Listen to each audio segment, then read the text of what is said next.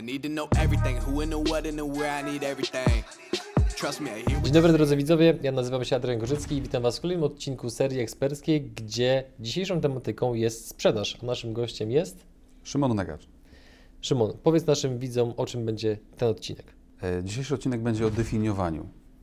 O czymś bardzo nieprzyjemnym, o czymś długotrwałym, e, o czymś teoretycznie nudnym, ale powiemy o tym w taki sposób, żeby nie było to ani nudne, Mhm. ani długotrwałe i żeby rzeczywiście było to przydatne w prawdziwym biznesie, w prawdziwych firmach, żeby to nie były takie, wiesz, strategie i persony Mhm. e, z różnych artykułów blogowych, typu jak chcesz zwiększyć sprzedaż, to najpierw przygotuj strategię. No. No właśnie, i no właśnie, jak tą strategię przygotować, ale to już jest jakby zupełnie inny wątek. Dobrze, to co jest naszym pierwszym krokiem, od czego zaczynamy? Żeby to w ogóle wszystko zrozumieć w tym temacie. Wiesz co, na początek fajnie byłoby sobie pogadać w ogóle po co mi jakieś definiowanie i co to znaczy definiowanie. To, to wiesz co, taka bardzo silna różnica, którą ja widzę między przedsiębiorstwami, które bardzo istotnie, sprawnie rosną, a tymi, które się borykają i szukają sposobu, a może tak, a może inaczej, jest najczęściej to, o czym dzisiaj będziemy mówili, czyli brak istotnego zrozumienia, kto jest moim potencjalnym klientem, jaka firma, mówimy o sprzedaży B2B, e, kto w tej firmie pracuje i z kim chce rozmawiać, co tych ludzi boli, jak i dlaczego, jak to, co ja robię, się ma do tego wszystkiego wcześniej, a na koniec, jak ci ludzie w ogóle kupują mój produkt lub usługę. Partnerami kanału są DPD, Twoi eksperci w doręczaniu, IBCCS Tax, spółki zagraniczne, ochrona majątku, podatki międzynarodowe, Kono, wspólnie budujemy sukces. Linki do partnerów w opisie materiału.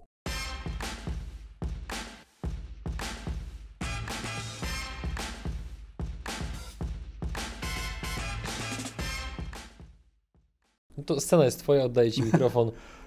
Słuchamy. Y, To co, pierwszy. to, to, to najpierw w ogóle, że, że- żebyśmy mieli takie przekonanie, że to warto zrobić, to fajnie jest sobie powiedzieć, e, jak to się odbija na biznesie, nie? Mhm. Bo najpierw spójrzmy na, spójrzmy na sam marketing. E, ludzie mają tendencję do podejmowania interakcji z marketingiem, który nie jest miałki. To, co Ci przed chwilą powiedziałem, to był przykład ma- miałkiego marketingu. Żeby tam zwiększyć sprzedaż, to tam zrób strategię, Mhm. opracuj cele i egzekuj. Tam patrz do tyłu, nie? Miałki marketing, coś, gdzie nie ma istotnej treści, coś, co nie jest czymś, z czym ja się czuję jak, jak z czymś, co jest naprawdę dla mnie stworzone, ten marketing najczęściej nie konwertuje. Takie ogólne wpisy marketingowe, blogowe w szczególności, kierowane do wszystkich firm, na każde tematy, najczęściej już po prostu nie konwertują, bo jest ogromny przesyt. Eee, Bądź mniej post więcej- na Facebooku, piątek, piąteczek, piątunio, życzymy udanego weekendu. Na przykład, no, no po prostu Mhm. wiesz. Zresztą fajnie spojrzeć w statystyki, że 75% tworzonych treści nie doczekuje się ani jednej interakcji w całej sieci, nie? Że tego lajka, komentarza na LinkedInie, na Facebooku, nigdzie. Więc tej treści jest tworzone bardzo dużo. Więc zrozumienie, do kogo idziemy, dokładnie w jaki sposób i czemu oni mieliby chcieć z nami współpracować, bardzo ułatwia tworzenie marketingu, który znajdzie ich tam, gdzie ci ludzie są. Dlatego my na przykład jako firma nagrywamy podcast, bo nam wyszło, że nasze persony mają czas, chcą słuchać i cenią sobie na przykład podcasty. Dlatego jesteśmy w Google, bo wiemy, że tam są nasi klienci potencjalni.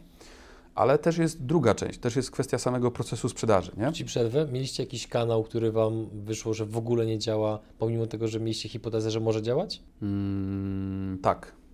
Cold calling. Czyli coś, co jest wciąż żywe w wielu firmach. To jest bardzo żywe i w niektórych firmach y, to jest coś, co wdrażamy, Mhm. ale u nas okazało się, że jak personą w obu segmentach najważniejszych dla nas jest prezes, nie dyrektor sprzedaży, nie menadżer, tylko prezes, to okazuje się, że prezesa najtrudniej jest zastać telefonem. On tutaj ma Mhm. już wybudowany firewall, jest pani na sekretariacie. Do prezesa dużo łatwiej dostać się innymi metodami niż cold callami, natomiast nie byłbym sobą, gdybym nie przetestował. Mhm. E, więc jakby to też widzisz, to jest dobry przykład, to jest dobra rzecz, o którą teraz zapytałeś. Wyszło nam, że nie warto tego robić, a my ciągle spotykamy firmy, których segmentem czy docelową personą jest prezes i oni tam próbują wydzwaniać tych prezesów, wiesz, dzień dobry, dzwonię do pana, bo e, mam strasznie fajny produkt No tak. i pracuję z podobnymi firmami, więc Jest Pan bym panu 30 sprzedał. dzisiaj. Jest pan dzisiaj 30, dokładnie tak. Mhm. Ale, czyli jak już mamy dobrze zrobione segmenty, to bardzo ułatwiamy sobie pozyskiwanie klientów też w sprzedaży, czyli prospecting. Wiemy do kogo dzwonić, co im mówić, dlaczego im to mówimy akurat. Ale jeszcze ważniejsza rzecz, jak już dochodzi do procesu sprzedaży, to wiesz, jest podejrzewam, że większość branż, osób, które nas teraz oglądają, to nie są branże, w których istnieje jeden podmiot, tylko istotnie konkuruje się z wieloma firmami na rynku.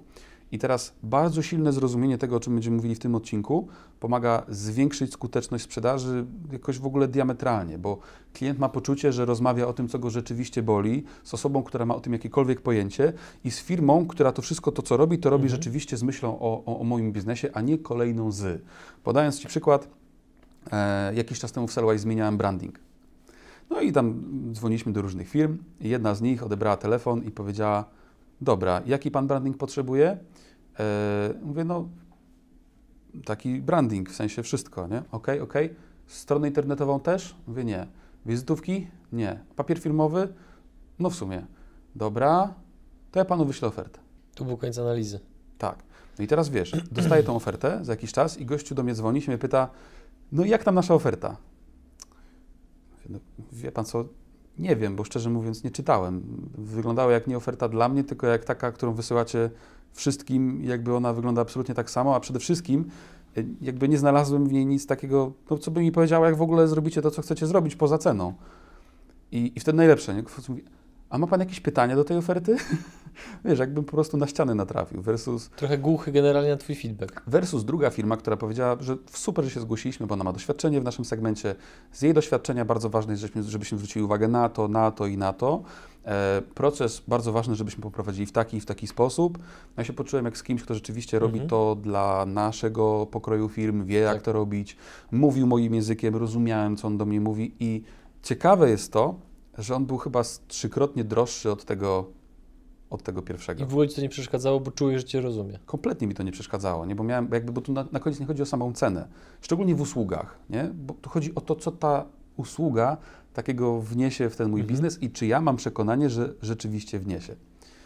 Ale Mhm. abstrahując już od tego, sama segmentacja, to co dzisiaj zrobimy, bardzo zwiększa konwersję marketingu, ułatwia marketing, ułatwia Mhm. pozyskiwanie klientów, ułatwia sprzedaż, czyli tak naprawdę to jest praca domowa, którą powinniśmy wykonać, zanim cokolwiek zaczniemy robić i mam Mhm. nadzieję, że podam Wam dzisiaj kilka takich e, istotnych przykładów.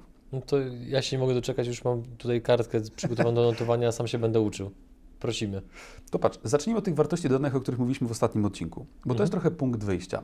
E, Wiele firm stara się robić coś takiego, że szukają, najpierw szukają segmentu, gdzie byśmy chcieli sprzedawać, a dopiero potem zastanawiają się, co im takiego mamy do zaproponowania. I to jest, w mojej ocenie to jest błędna kolejność.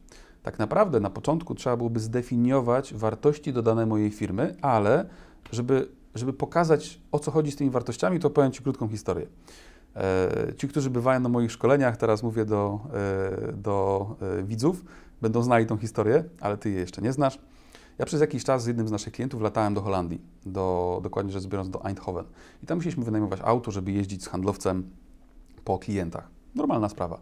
Ja wyjmowałem apkę, siedząc w domu, rezerwowałem samochód, lądowałem, zszedłem na lotnisku, obejrzałem się w lewo i w prawo, masę tych wypożyczalni tam było, patrzę na moją, podchodzę do obsługi, wstał pan, bardzo miły, profesjonalny, mówi, pan wynająć samochód? Ja mówię, tak.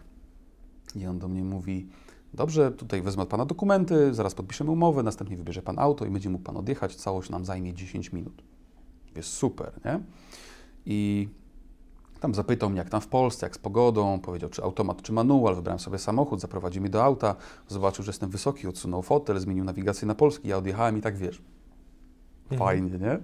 Jakiś czas później wynajmowałem e, samochód, e, bo mi się moje prywatne auto zepsuło u mnie niedaleko od tego miejsca, gdzie mieszkam i wszedłem do wypożyczalni, gdzie siedziała taka pani, schowana za monitorem, wychyliła głowę i tak, wynająć auto jestem.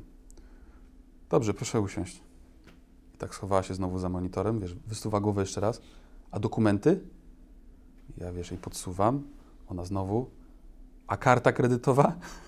Podsuwam. I zaczęła biegać między komputerem a, a, a drukarką. Całość trwała 10-15 minut. Na koniec mi podsunęła. Tu, tu proszę podpisać, tu są kluczyki. Jak pan wyjdzie na plac i kliknie, to się zaświeci Diametralna różnica. diametralna. I to jest przykład pierwszy na razie tego, że tamta wypożyczalnia w Holandii bardzo świadomie budowała wartość dodaną na poziomie tego, w jaki sposób obsługuje klientów, w jaki sposób świadczy samą usługę. I na tej podstawie wybudowała parę wartości dodanych. Dostałem nawet numer telefonu do tego obsługującego e, żebym do niego zadzwonił, jak coś będzie nie grać. Naprawdę piękna sprawa.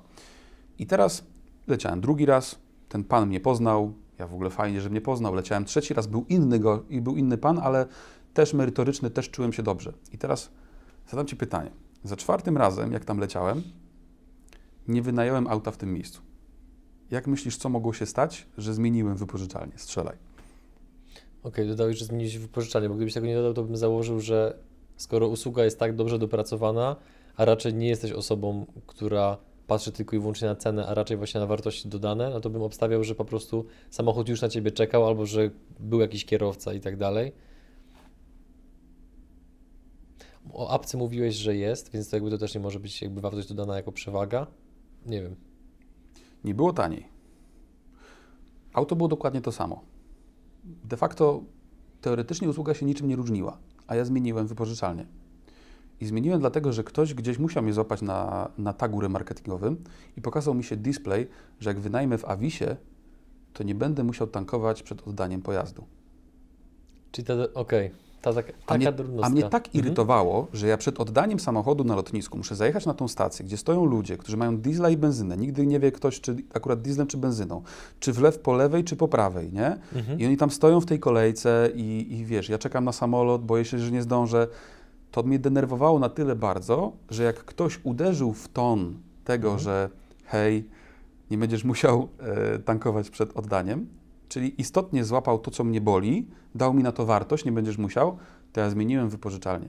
I teraz najśmieszniejsze w tej historii jest to, że ja potem tam przyleciałem, idę przez hall z kluczykami, z papierami i widzę tego gościa mojego z tamtej wypożyczalni. I on tak do mnie, what happened? Nie? Why? No ja mu tłumaczę, że no, tutaj jest taka opcja, że można y, jakby nie tankować, a on mi mówi, ale u nas też jest, Tylko, że tego nie komunikowali. tylko nikt mi tego nie powiedział. I to była wartość dodana, którą oni mieli w swojej firmie. Mhm. Ona była dla mnie istotna, ale w procesie nikt mnie o niej nie poinformował. To jest przykład tego, że to nie było przemyślane, nie było zaplanowane i Avis zrobił tu lepszą robotę. Namierzył mnie jako Mhm. personę. Bardzo fajnie o wartościach dodanych można sobie porównać, jak walczyły telekomy, jak była Era, Plus yy, i Idea. One tam walczyły między sobą, tam co roku ktoś miał jakąś swoją nową wartość dodaną. Ci mieli darmowe, darmowy telefon, czy tam za złotówkę, ci mieli naliczanie sekundowe, kiedyś było naliczanie minutowe, wyobraź sobie. Tak. Pamiętasz te czasy? E, tak przez mgłę, ale jeszcze to, troszkę tak.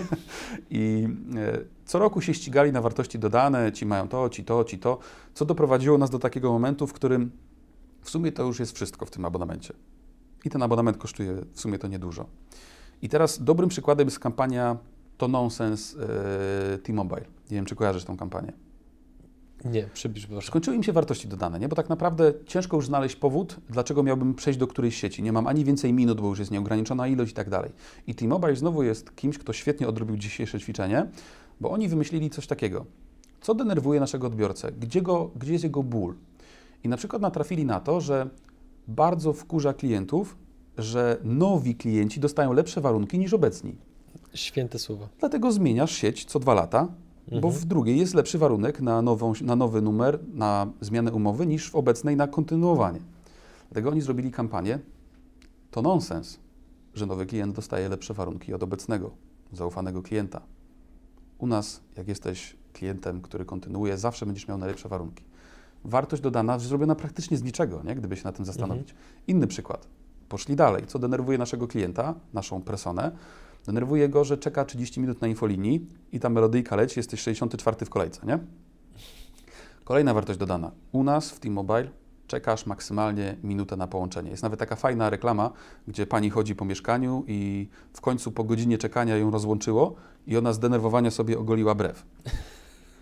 I, i T-Mobile jest świetnym przykładem firmy, która tworzy wartości dodane praktycznie, zauważ, z niczego, zmieniając tą swoją Mhm. usługę, sposób, w jaki ją świadczy. I wydawać by się mogło, że to tylko duże firmy, Avis, T-Mobile, ale nie trzeba daleko szukać. My na przykład mamy klienta, który pracuje na rynku bardzo nastawionym na cenę. Bardzo, bardzo, bardzo. Produkt jest importowany z Chin, e, jest taki sam u wszystkich dystrybutorów, cena ma duże znaczenie, skoro jest taki sam produkt, no to Mhm. ale okazuje się, że dla persony, która u nich kupuje, jest bardzo ważne na przykład to, żeby dostawać te oferty bardzo szybko, bo oni później reofertują to dalej i zarabiają na tym.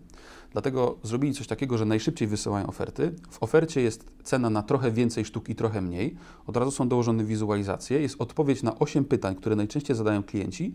Zrobili bardzo prostą wartość dodaną taką, że teraz każdy klient wysyłając zapytanie do nich wie, że oferta od nich będzie najszybciej, będzie miała wszystkie informacje. Patrz, jaka to jest banalna wartość Przestali dodana. być wąskim gardłem w tym procesie. Dokładnie, ale patrz, jakie to jest banalne. Tak naprawdę wystarczyło usiąść i zastanowić się, jak skonstruować tą wartość dodaną tak, Mhm. żeby ona była rzeczywiście dla klienta cenna. A często spotykasz się z tym, że właśnie firmy bardziej zwracają uwagę na to, co oferują klientowi, a nie jak to robią? Tak. Yy, Szczególnie jeżeli są to ludzie, którzy są na przykład twórcami produktu. Oni mają wtedy tendencję tak bardzo kochać ten produkt i mówić o rzeczach tak nieistotnych dla odbiorcy, bo tu jest taki fajny przycisk, jak pan naciśnie, to w ogóle coś się tam dzieje. Ja, ja ostatnio miałem okazję, świetną okazję uczestniczyć w procesie zakupowym dla naszego produkcyjnego klienta, duża firma, 70 milionów Mhm. przychodu, e, taki potentat w swojej niszy e, i chcieli budować platformę B2B, po to, żeby, no wiadomo, odciągnąć zamówienia od klientów bezpośrednio, nie przez handlowców. I pojawiły się cztery software house'y na spotkaniu. I każdy z nich, jedyne co nam pokazał, to tak, slajd. Nasza firma istnieje w 16 krajach. Kolejny. E, Mamy zaufany zespół ekspertów i profesjonalistów. Kolejny. E, W, na, w gro, gro, grono naszych klientów ma takie firmy jak. I my siedzimy i oglądamy. I potem jest prezentacja produktu. Jak tu pan naciśnie, to nawet takie coś wyskakuje. Fajnie? Fajnie? Cringe. Ale fajnie, nie? No i my tak siedzimy, no fajnie. I wiesz, mieliśmy cztery spotkania z bardzo dużymi, rozpoznawalnymi spółkami. Żadna z nich nie zapytała mojego klienta i mnie, e, dlaczego niby to Wam jest potrzebne, co chcecie przez to osiągnąć i jak cechy, wartości dodane tego, co my robimy, Wam pomogą w osiągnięciu tego czegoś. Mhm. Nawet, nawet powiem więcej. Jeden, jeden z handlowców zaczął spotkanie w takie słowa. No widać, że tutaj to jest bardzo profes- profesjonalnie poprowadzone. Tutaj widać, Pan jako firma doradcza świetnie to zorganizował, ale też Państwo jako, jako duża, rozpoznawalna firma, no nie spodziewałem się niczego innego. Taka trochę wazelinka No, już, nie? no i wiesz, i, i, i tam już nie było miejsca na wartości dodane. E, Natomiast podsumowując, te wartości dodane to jest coś, co powinieneś opracować we własnej firmie. I kiedy my trafiamy do firmy, zawsze robimy test Ryśka i Wieśka. Nie wiem, czy słyszałeś. Brzmi oryginalnie. To jest nasz autorski test. Wyobraź sobie, że rozmawiasz ze swoim klientem, Ryśkiem. I Rysiek ma wspólnika, Wieśka, ale Wieśka nie ma na spotkaniu. I mówisz do Ryśka tak. Powinien Pan u nas kupić, ponieważ nasza firma istnieje w 16 krajach, mamy dobry stosunek jakości do ceny oraz zespół zaufanych ekspertów. Rysiek kończy spotkanie, idzie do Wieśka i mówi, Wiesiek, musimy u nich kupić, bo oni istnieją w 16 krajach, mają zespół zaufanych ekspertów i dobry stosunek jakości do ceny. I Wiesiek mówi, Rysiu, ty się dobrze czujesz? Jeżeli opracowałeś wartość dodaną, której Rysiek nie jest w stanie powtórzyć swojemu wspólnikowi tak, żeby nie było wstydu, to to najprawdopodobniej nie jest wartość dodana, tylko jakiś frazes. I niestety te strategie, które my, my audytujemy, bardzo często składają się tylko z frazesów. Tylko i wyłącznie. Jesteśmy elastyczni, mamy dobrą jakość. Co to w ogóle znaczy dobrą? Staramy się dobrze obsługiwać klientów. To są w większości frazesy. A tu chodzi o wgry, wgryzienie się na przykład w to, że my to najszybciej te oferty przygotowujemy, albo że one są najbardziej kompleksowe, albo że jak kupujesz u nas, to masz dedykowanego opiekuna i on się nie zmienia. Albo że jak masz tego dedykowanego opiekuna, to on jest dostępny na przykład w większej, w większym wymiarze godzin niż konkurencja. Albo, albo, albo. Tych wartości dodanych może być bardzo dużo. Nasze wartości dodane to jest to, że ja jestem informatykiem, rozumiem wątek technologiczny, to, że obsługujemy bardzo wiele różnych obszarów. E, n- Jest dużo takich bardzo konkretnych wartości dodanych, a nie, że my jesteśmy elastyczni i w ogóle mamy fajną jakość. A powiedz mi, w jaki sposób takie potem wartości dodane powinno się klientom komunikować? To musi być w jakimś takim, wiesz, e, claimie w jednym miejscu na stronie, czy w ofercie, typ, czy to ma być jakoś tak napisane na zasadzie naszym klientom oferujemy dwukropek i wymienia się to od myślników? Jak to powinno być komunikacyjnie potem ułożone, żeby to było skuteczne, a nie takie właśnie na łapu capu? To jest bardzo dobre pytanie, bo jak pracujemy nad wartościami dodanymi, to y, bardzo często okazuje się, że klient wypisał 6. Jak mamy na tą naszą metodę, dochodzimy na przykład do 30-40 wartości dodanych, które Mhm. mają. I wycisnęliśmy je, mamy je w Excelu wypisane. I teraz tak naprawdę marketingowo i sprzedażowo masz dwa różne zadania, bo ta lista problemów i wartości dla marketingu jest po to, żeby na przykład wyciągnąć jakąś najważniejszą, jakąś silną wartość i zrobić wokół niej kampanię. Jedną konkretną, adresującą jakąś grupę. Dla przykładu, my teraz robimy kampanię e, kierującą się do e, prezesów e, firm IT mniejszych, Mhm. mówiącą nie zatrudniaj dyrektor sprzedaży jako usługa. Bo namierzyliśmy problem, który polega na tym, że trudno jest zatrudnić dyrektora sprzedaży w tych firmach, on jest drogi, e, często długo się go wdraża, porażka wiele kosztuje, handlowcy się bardzo demotywują, jak on, jak on wyrotuje. Dlatego mówimy nie zatrudniaj, my na to wymyśliliśmy wartość dodaną, usługę, która polega na tym, że nasz konsultant pomoże Ci to poprowadzić. I tu jest przykład, że wzięliśmy tą jedną z 40 i zrobiliśmy z niej w marketingu kampanię. Ale w sprzedaży w sprzedaży jest inaczej, bo w sprzedaży możesz tego używać do Twoich ofert, do tego, jak argumentujesz do konkretnego klienta, bo nie każda wartość dodana jest dobra dla każdego. Ale jak masz ich 40, to jesteś w stanie wybrać 3 lub 4 dla konkretnego klienta, Mhm. które będą ważne akurat dla niego. Czyli wtedy taka oferta bardzo mocno z nim rezonuje. Tak, i rzeczywiście jest oparta na jego rzeczywistości. Jest inaczej, jak wybierasz z sześciu ogólnych, nic nieznaczących, bo klient, no, elastyczni jesteście, strasznie fajnie, bardzo mnie to cieszy. E, Ale na przykład można też wartość, że jesteśmy elastyczni, przedstawić inaczej. Można powiedzieć, że wiemy, że w Waszej branży jest istotny problem polegający na tym, że wymagania często zmieniają się w trakcie trwania projektu. I my skonstruowaliśmy naszą usługę w taki sposób, że co tydzień możecie wprowadzać do niej poprawki. Brzmi lepiej niż jesteśmy elastyczni? Bardziej konkretnie, namacalnie. Bardziej konkretnie, bardziej namacalnie i klient już rozumie, aha, okej, a to fajnie, jak mogę zmieniać co tydzień, no bo przecież się pozmienia. Versus jesteśmy elastyczni. I teraz jak masz tą listę 40, to, to wiesz, człowiek nie ma tyle pamięci operacyjnej, żeby pamiętać je Mhm. i tak nagle wymyśleć. Jak je przygotowałeś i je masz i one tu leżą przed oczami, to jest łatwiej budować argumentację na stronie internetowej. Możesz na stronie internetowej wtedy na przykład zrobić, y, jest świetny przykład na rynku, jakby ktoś chciał linka albo wrzucimy go do opisu, gdzie dystrybutor wody mineralnej ma tak landing dla warsztatu. I tam jest umurusany pan i tam jest napisane, że ta woda, y, którą oni sprzedają, ona zwiększa wydolność y, fizyczną. Jest drugi, tam, tamten jest taki czarny ten landing. Jest drugi landing, salon piękności. I tam jest napisane, że to nawadnia skórę i w ogóle. To jest ten sam produkt, zauważ, tylko że inne Mhm. wartości dodane dla innej persony. To jest też świetny przykład tego, że na stronie internetowej wtedy mówisz do klienta językiem, który go jakkolwiek obchodzi, a nie tam jesteśmy elastyczni i, Mhm. i mamy strasznie fajną jakość i zaufany zespół jeszcze mamy fajny.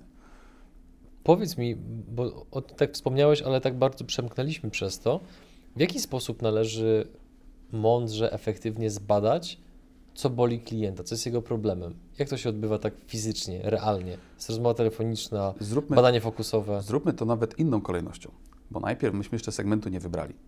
Okej, Wy, wy, wypracowaliśmy sobie teraz listę wartości dodanych. Mhm. I to, co powinniśmy teraz zrobić jako zespół, jako firma, to zastanowić się, dla kogo, dla jakich przedsiębiorstw te wartości dodane będą najcenniejsze. Mhm.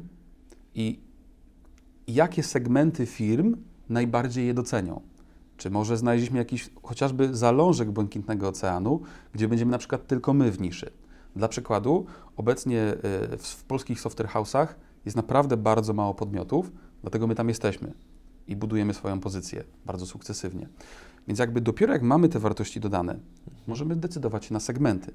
I teraz jak się decydować na segmenty, bo to jest istotne. Na przykład pójdę tylko do firm produkcyjnych dużych i do IT, tak jak my zdecydowaliśmy. Jest bardzo dużo rzeczy, które powinieneś wziąć pod uwagę.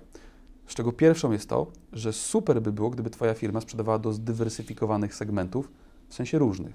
Jesteśmy teraz po tym takim covidowym czasie, gdzie u nas e, segment przemysłowy trochę siadł, ale segment IT się znacznie podniósł.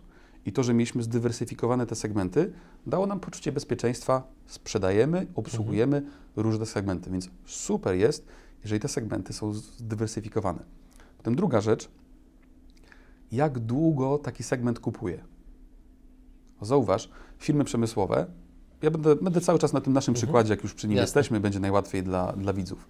Firmy przemysłowe z naszego doświadczenia mają proces zakupu liczony mniej więcej od 2 do 4, 6 miesięcy nawet, czyli długi.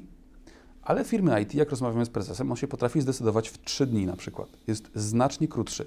Więc też jest pytanie, jak kupuje Twój segment. Czy tam on się budżetuje przez nie wiadomo ile czasu, szuka decyzji i tak dalej.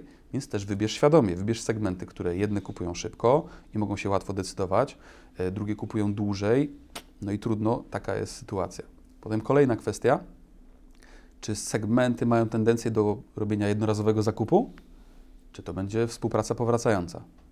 Czy to jest segment, który, kolejna rzecz, rekomenduje, czy nie. Bo teraz co ciekawe, jedna firma produkcyjna drugiej firmie produkcyjnej nie daje kontaktu do nas i nie mówi zadzwońcie, bardzo fajnie nam pomogli i wam też pomogą. Czemu tego nie robią? Nie wiem.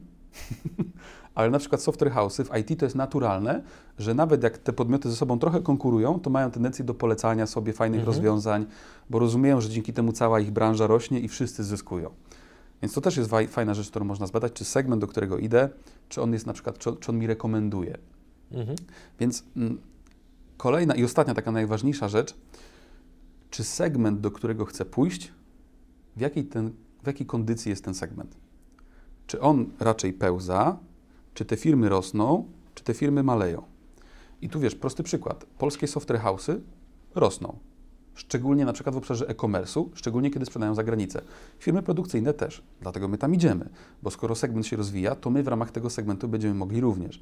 Ale dla przykładu mam klienta, który jako segment wybrał sobie segment drukarni wielkoformatowych, które idą powolutku w dół, tracąc wobec nośników el- elektronicznych na przykład, cyfrowych. Mhm. No i zdecydował się na segment, który się kurczy. A jak seg- segment się kurczy, cały, Dużo trudniejsza sytuacja. to jest dużo trudniejsza sytuacja, dużo trudniej tam prowadzić efektywną sprzedaż, dużo trudniej rosnąć. Ja kiedyś miałem szczęście w jednej z firm, mm, taki amerykański prezes powiedział mi, że e, ja się tam nasprzedawałem, przyniosłem jakiś projekt i on mi powiedział, ale wiesz Szymon, ta firma chce kupić od nas to rozwiązanie tylko i wyłącznie po to, żeby sobie obciąć koszty, nie? Mówię tak, to my tego nie sprzedamy. Mówię, czekaj, ale jak to? No bo patrz, jak oni już sobie te koszty obetną, to wiesz, firma, która się skupia na obcinaniu kosztów, to znaczy, że to jest firma, która idzie tak. My nie chcemy takich firm. My chcemy tylko takie, które rosną. My chcemy dawać rozwiązania, które pomagają im rosnąć, a nie obniżać koszty, bo jak pomożemy im rosnąć, to będziemy im pomagali przez lata całe. To ja nie chcę, żeby mój zespół robił jednorazowy projekt, nawet duży dla takiej firmy. I mnie wtedy olśniło w ogóle, że można Mhm. tak myśleć o swoich segmentach, o biznesie, do którego trafiasz. Bardzo, bardzo inspirujące dla mnie. E, Natomiast koniec końców, podsumowując, jak masz ten taki link między wartościami dodanymi a segmentem, rodzajem firmy i, i zdecydowałeś się świadomie w pełni, że idziesz do tych dwóch, trzech, czterech segmentów, pięciu i masz dla nich jakieś konkretne wartości. Jaka jest dane, górna granica liczby segmentów? Jest jakaś, tak, jest jakaś czy to za, bardzo zależy od przypadku? Bardzo zależy od modelu biznesowego, bo mm, jak mówimy o B2B, to, to, to jakby samo pojęcie B2B jest bardzo szerokie. I my dla przykładu komunikujemy marketingowo do dwóch segmentów, Mhm. do dwóch i pół powiedzmy, ale zgłasza się do nas dużo więcej. Bo akurat te problemy Mhm. między produkcją IT są wspólne też z niektórymi innymi branżami, czyli trafiają do nas firmy usługowe, e, jeszcze z jeszcze innych segmentów i jest ok, bo do nas trafiły. Natomiast często spotykam taki problem, e, szczególnie w IT, że właśnie ktoś sobie zdefiniował 10 segmentów. I tak naprawdę do porządku żadnego z nich nie poznał. E, Komunikacja jest rozwodniona, żaden nie czuje się u siebie. I dla przykładu mamy, mamy taką historię u naszego klienta, że e, rozdzieliliśmy brandy. Czyli stworzyliśmy zupełnie nowy brand, kierowany do zupełnie innego segmentu. W tym przypadku był to HR i produkcja. Wcześniej było to HR i produkcja w jednym. I HR się czuł w tych treściach produkcyjnych tak, delikatnie mówiąc, nie u siebie. Mhm. I, i, i rozdzieliliśmy to. E, tutaj został HR w produkcji pracujący, który mówi, no HR w produkcji fajnie, ale tutaj powstał, powstał, jakby powstał nowy brand kierowany do HR-u i to bardzo istotnie pomogło. Więc nie ma pewnie górnej granicy. Odpowiedź będzie brzmiała moja na Twoje pytanie taka, że trzeba to zrobić bardzo świadomie. Mhm. To ja teraz wrócę do tego pytania, które Ci już zadałem wcześniej. Jak, bo, te, bo te, wybraliśmy segment, teraz przechodzimy do person. Zgadza się? Tak, i teraz musimy zdecydować, z kim my w tej firmie chcemy rozmawiać. Dobrze, i czy w ramach Twojej odpowiedzi będzie to, jak zbadać ból, problem klienta? Za, za No to jest tak. coś, co mnie teraz właśnie boli. Ja chcę, też, ja chcę się tego dowiedzieć. Więc okej, przechodzimy do person. Tak, to mm, decyzja istotna, z kim my w tej firmie chcemy rozmawiać. I to nie może być taka decyzja, że chcemy rozmawiać z prezesem, bo każdy chce rozmawiać z prezesem, prawda? Mhm. My byśmy tak z prezesem chcieli rozmawiać. No dobra, ale pytanie, czy prezes będzie chciał rozmawiać o obszarach, do których ma ludzi. Typu e, na przykład firma produkcyjna, która kupuje materiały eksploatacyjne, dział zakupów tam e, ostro kupuje i my dzwonimy do prezesa, mówimy, że mamy trochę fajniejszy materiał eksploatacyjny. No to on powie w ogóle, tam jest szef produkcji, tam jest e, zakupowiec, z nimi Mhm. rozmawiaj.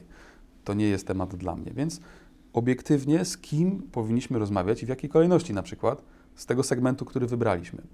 I decydując się na przykład na prezesa, dyrektora produkcji, dyrektora technicznego, e, szefa zakupów, trzeba w bardzo świadomy sposób wybrać kluczowe osoby z ich jakby grona podejmującego decyzję.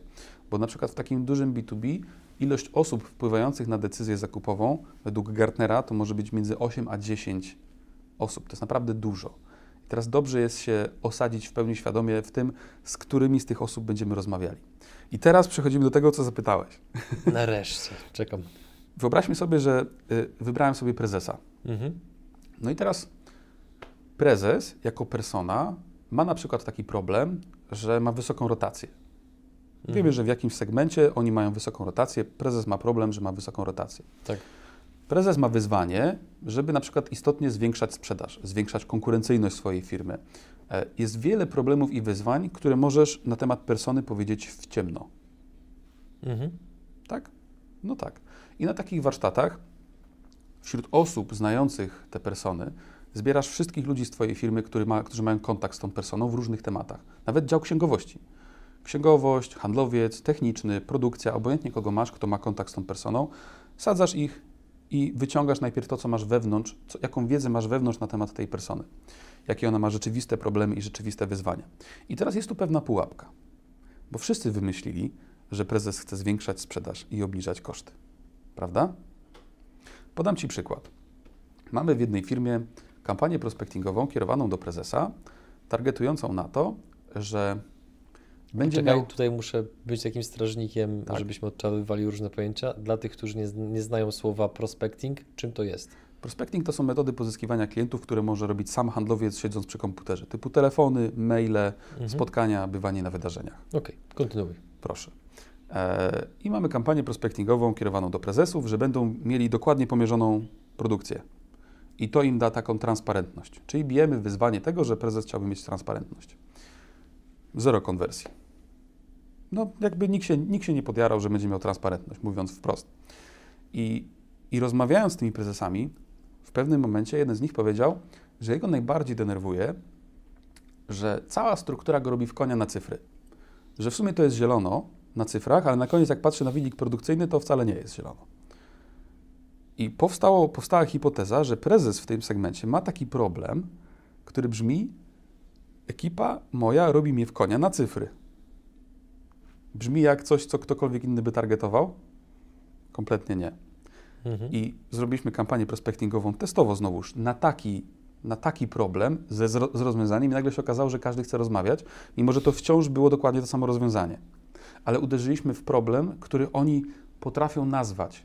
Tak, ciągle niby jest zielone, ale ciągle mi się to nie spina, Mhm. to jest dla mnie nie okej. E, Podając Ci nasz przykład, e, można byłoby powiedzieć, że nasz klient, dyrektor sprzedaży ma taki problem, że e, ma mało lidów i wyzwanie polegające na tym, że chciałby zwiększyć swoją sprzedaż. Nie? Tylko, że to znowuż wszyscy o tym mówią i wszyscy wymyślili, że dyrektor sprzedaży ma taki problem. W sprzedaży i w robieniu tego, co dzisiaj, o, o czym dzisiaj omawiamy, jak coś Ci za łatwo przyszło do głowy, to nie idź w to, bo to znaczy, że to za łatwo przyszło do głowy wszystkim. To jest ciekawa myśl. Mhm.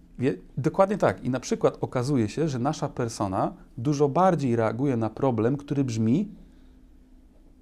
Często naszym klientom się zdarza, że handlowcy ciągle mówią: Szefie, mamy za drogo, szefie, mamy za drogo. I nasza persona mówi: Dokładnie tak.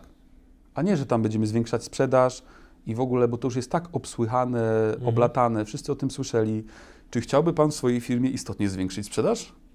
Oto dwa triki, żeby zwiększyć sprzedaż już dwa dni. Pierwsze, słuchaj swoich klientów, dwa, zadawaj im odpowiednie pytania. Czujesz? Bardzo. Czyli, czyli magia fokusowania się na segmentach polega na tym, że ja na przykład jestem w stanie zrozumieć, że w firmie produkcyjnej istotnym problemem prezesa jest OII. Wiesz, czym jest OII? Nie. No właśnie. Też bym nie wiedział, gdybym się nie fokusował na tym segmencie, gdybym nie rozmawiał Mhm. z tymi ludźmi. OI to jest procentowa zajętość maszyn na produkcji. Im większa, Mhm. Tym wyższe wykorzystanie parku maszynowego, tym wyższe przychody i rentowność. I, I wiesz, żadna inna firma oprócz nas najprawdopodobniej nie targetuje prezesów firm produkcyjnych, rozmawiając z nimi o OI, że ono jest dla nich ważne. A my wiemy, jak je zwiększać, bo wiemy, jak zorganizować prognozowanie sprzedaży, żeby produkcji łatwiej było planować obłożenie na maszynach. No kosmos. Nie byłbym w stanie o tym mówić, gdybym nie targetował się na konkretnym segmencie, nie starał się rzeczywiście zrozumieć rzeczywistości tych ludzi, z którymi rozmawiamy.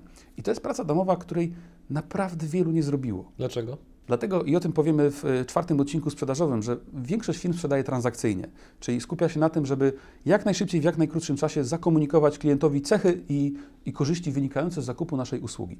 Czyli mówią do takiej pani prezes i nasza usługa sprawi, że będzie to, to, to, to, to i to i sprzedajmy do 15 krajów i mamy w ogóle fajne, fajnych klientów, tu są loga. Czyli Przepraszam. tak w sumie opisałeś, że taką szalą rzeczywistość, której doświadcza chyba każdy przedsiębiorca, że to są te właśnie takie powiedzmy kotwice, które chyba stosuje większość, właśnie liczba krajów, wielkość sprzedaży. tak, i kolejni to inne stosują, rzeczy. bo kon- konkurencja stosuje, Tak. no tak konkurencja mówi, że jest w 27 krajach, Mhm. to my tam szukamy klienta, który kupił za 100 zł z Bangladeszu, ale kupił, więc mówimy, że my jesteśmy w 29, nie? Mhm. mamy dwa więcej.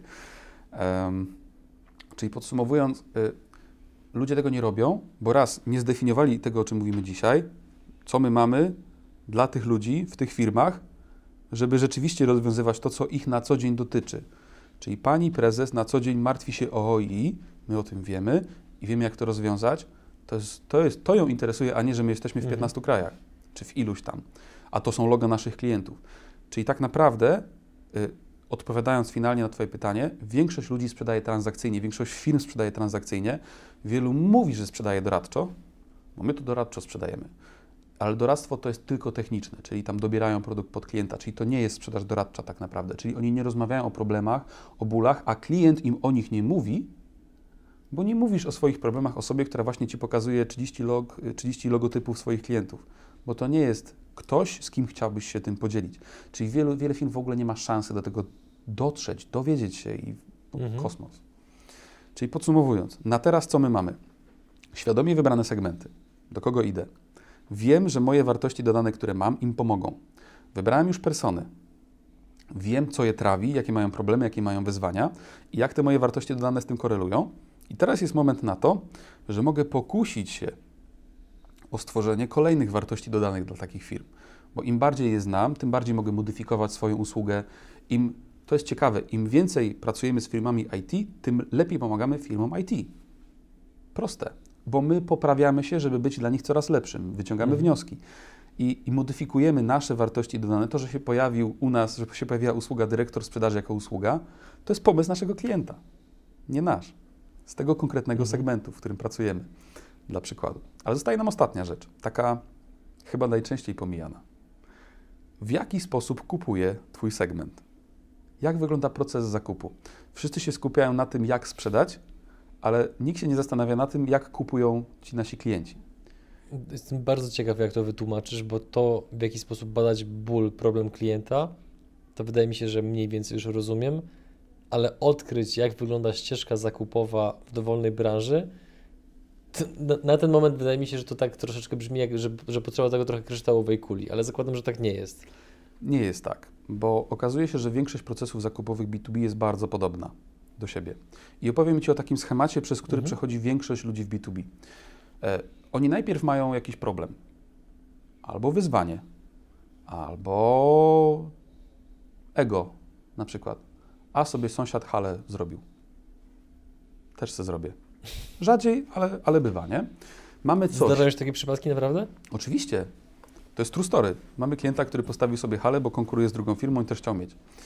I, i, i do, nas, do, nas, do nas przyszedł, że jakby, no i co teraz z tą halą, bo on powiedział, zrobił halę z nową linią produkcyjną, poszedł do handlowców, powiedział sprzedawajcie, a oni nie sprzedają. Mhm. No i teraz co zrobić?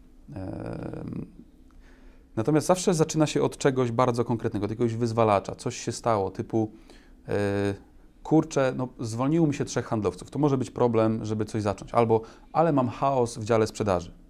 Na przykład tak został zdefiniowany problem. Co na tym etapie jest dla Ciebie ważne? zrozumieć, z czego w ogóle ten chaos wynika i co to jest w ogóle za sytuacja. Często nie jesteś w stanie stwierdzić.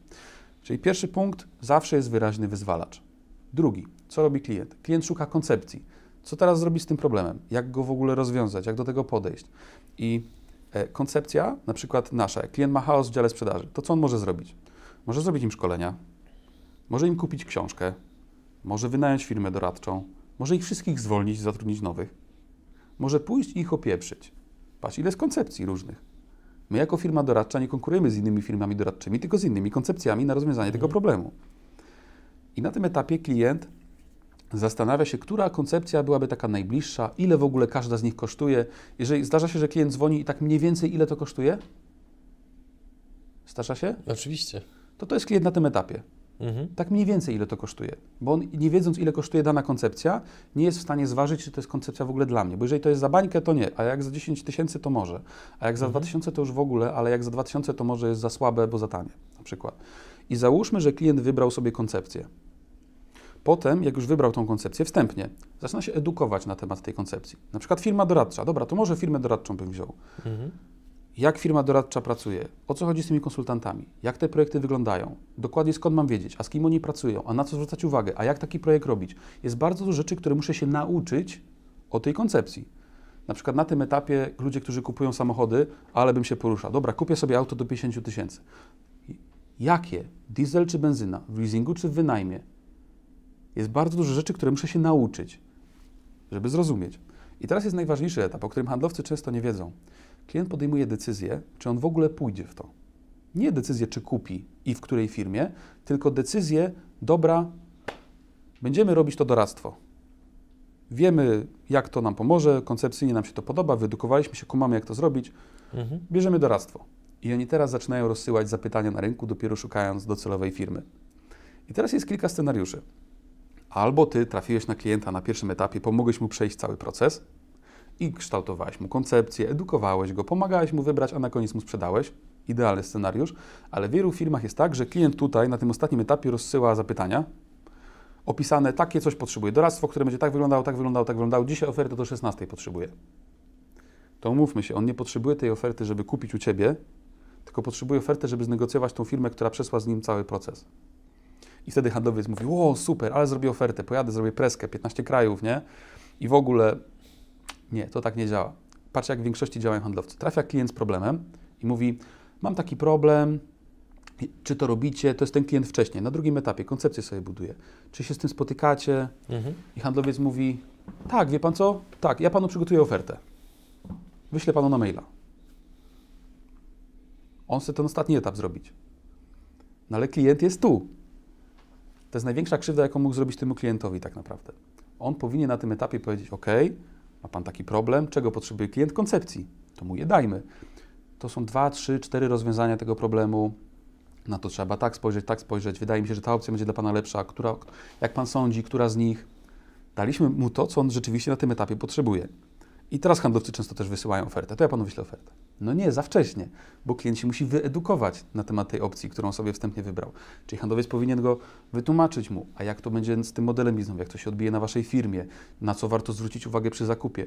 My uczymy naszych klientów, na co zwrócić uwagę przy, wy, przy wyborze firmy doradczej z całego serca. Rzeczywiście nam zależy, żeby oni to dobrze wybrali. I potem jest ten moment decyzji. Dobry handlowiec mimo że nie ma na to za dużego wpływu, po, pomaga temu klientowi tą decyzję podjąć. Czyli na przykład wiemy, że często w produkcyjnych firmach proces zabija finansowy. Bo on na koniec przychodzi i mówi, fajny macie pomysł, ale i tak nie mamy na to kasy. KO. No tak się zdarza. Dlatego dołączasz w procesie rozmowę z finansowym i dajesz mu coś, co pomoże mu podjąć decyzję i wybór. Dajesz mu na przykład policzone ROI, albo jakieś case'y, albo cokolwiek. I później, na koniec dopiero, w tym ostatnim etapie, na którym on kupuje, następuje taki zakup, taki tra- tradycyjny, że tam rozsyłamy te oferty, a patrz ile jest etapów wcześniej, zanim klient wyśle ofertę. Bardzo często klient trafia na tym ostatnim etapie, już wszystko zrobił. My nic nie wiemy o tym, co tu zrobił, a ofertę wysyłamy. Mhm. I teraz tak naprawdę zrozumienie, jak kupuje Twój klient i jakie wykonuje zadania na poszczególnych etapach, to jest rewolucja.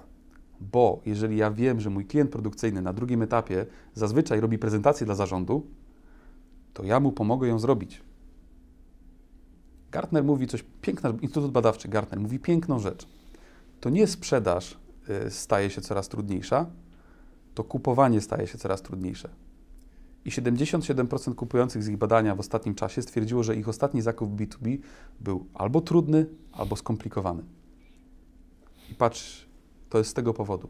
I teraz na koniec dnia, jak zrozumiesz, jak kupuje Twój klient, to tak naprawdę teraz dopiero możesz za zaczynać zabawę w pozyskiwanie, w marketing, w te wszystkie pozostałe zabawy, e, bo masz na czym.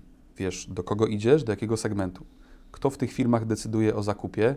A wybrałem dwa, bo dwie osoby były. E, kto decyduje o zakupie? E, jak moje wartości dodane przekładają się na problemy i wyzwania tych ludzi w tych firmach?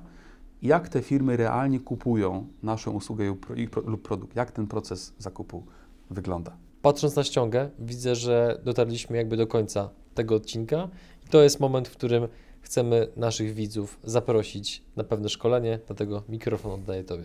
Tak, y, to teraz ja powinienem mówić do Ciebie czy do widzów? Do widzów chyba, nie? E, To tak, to we wrześniu organizujemy szkolenie, które stworzyliśmy za namową e, Adriana, e, które będzie dalszym ciągiem tego, co mówimy w tych odcinkach eksperckich. Czyli, e, żeby być na tym szkoleniu, trzeba obejrzeć te odcinki. I ono jest kierowane do, do ludzi, którzy rz- rzeczywiście chcą ułożyć sprzedaż lub marketing w swojej firmie. I będziemy tam w ciągu jednego dnia szkolenia online, będziemy omawiali cztery bardzo istotne etapy. Jak pozyskiwać dokładnie prospectingowo klientów poprzez wysiłki handlowców. Podamy kilkanaście przykładów skutecznych taktyk marketingowych w B2B. E, Opowiemy, jak dokładnie układać proces sprzedaży. Damy kilka, kilkanaście być może lifehacków na to, jak to dobrze zrobić. I na koniec, jak rzeczywiście mierzyć te procesy w prawdziwym CRM-ie, jak je monitorować i później poprawiać. E, Jak wejdziecie na link, który teraz się pewnie gdzieś pokazuje, znajdziecie tam cenę, znajdziecie opis, szersze wyjaśnienie, co się będzie działo. Natomiast bardzo ważne jest to, że nawet jak nie znajdziecie terminu, żeby się pojawić, to e, będziecie e, mogli od nas otrzymać nagranie. E, no i tyle. Słaby jestem chyba w tych call to action. Gdzie tam? Link do szkolenia jest w opisie filmu. E, Serdecznie Was zapraszamy. My również w tym szkoleniu będziemy brali udział. Mamy nadzieję, że wielu z Was to pomoże zarabiać jeszcze więcej, bo no jednak o to w biznesie chodzi. Zarabiać więcej, pracować mniej, prawda? Panie reżyserze? No właśnie, motto mojego wspólnika. Ja się wciąż uczę tego. Takie zdrowe, nie? Bardzo zdrowe. Szacun dla wspólnika. Dokładnie. Widzimy się w kolejnym odcinku, drodzy widzowie. Dziękujemy za Wasz czas. Do zobaczenia. Cześć. Do zobaczenia.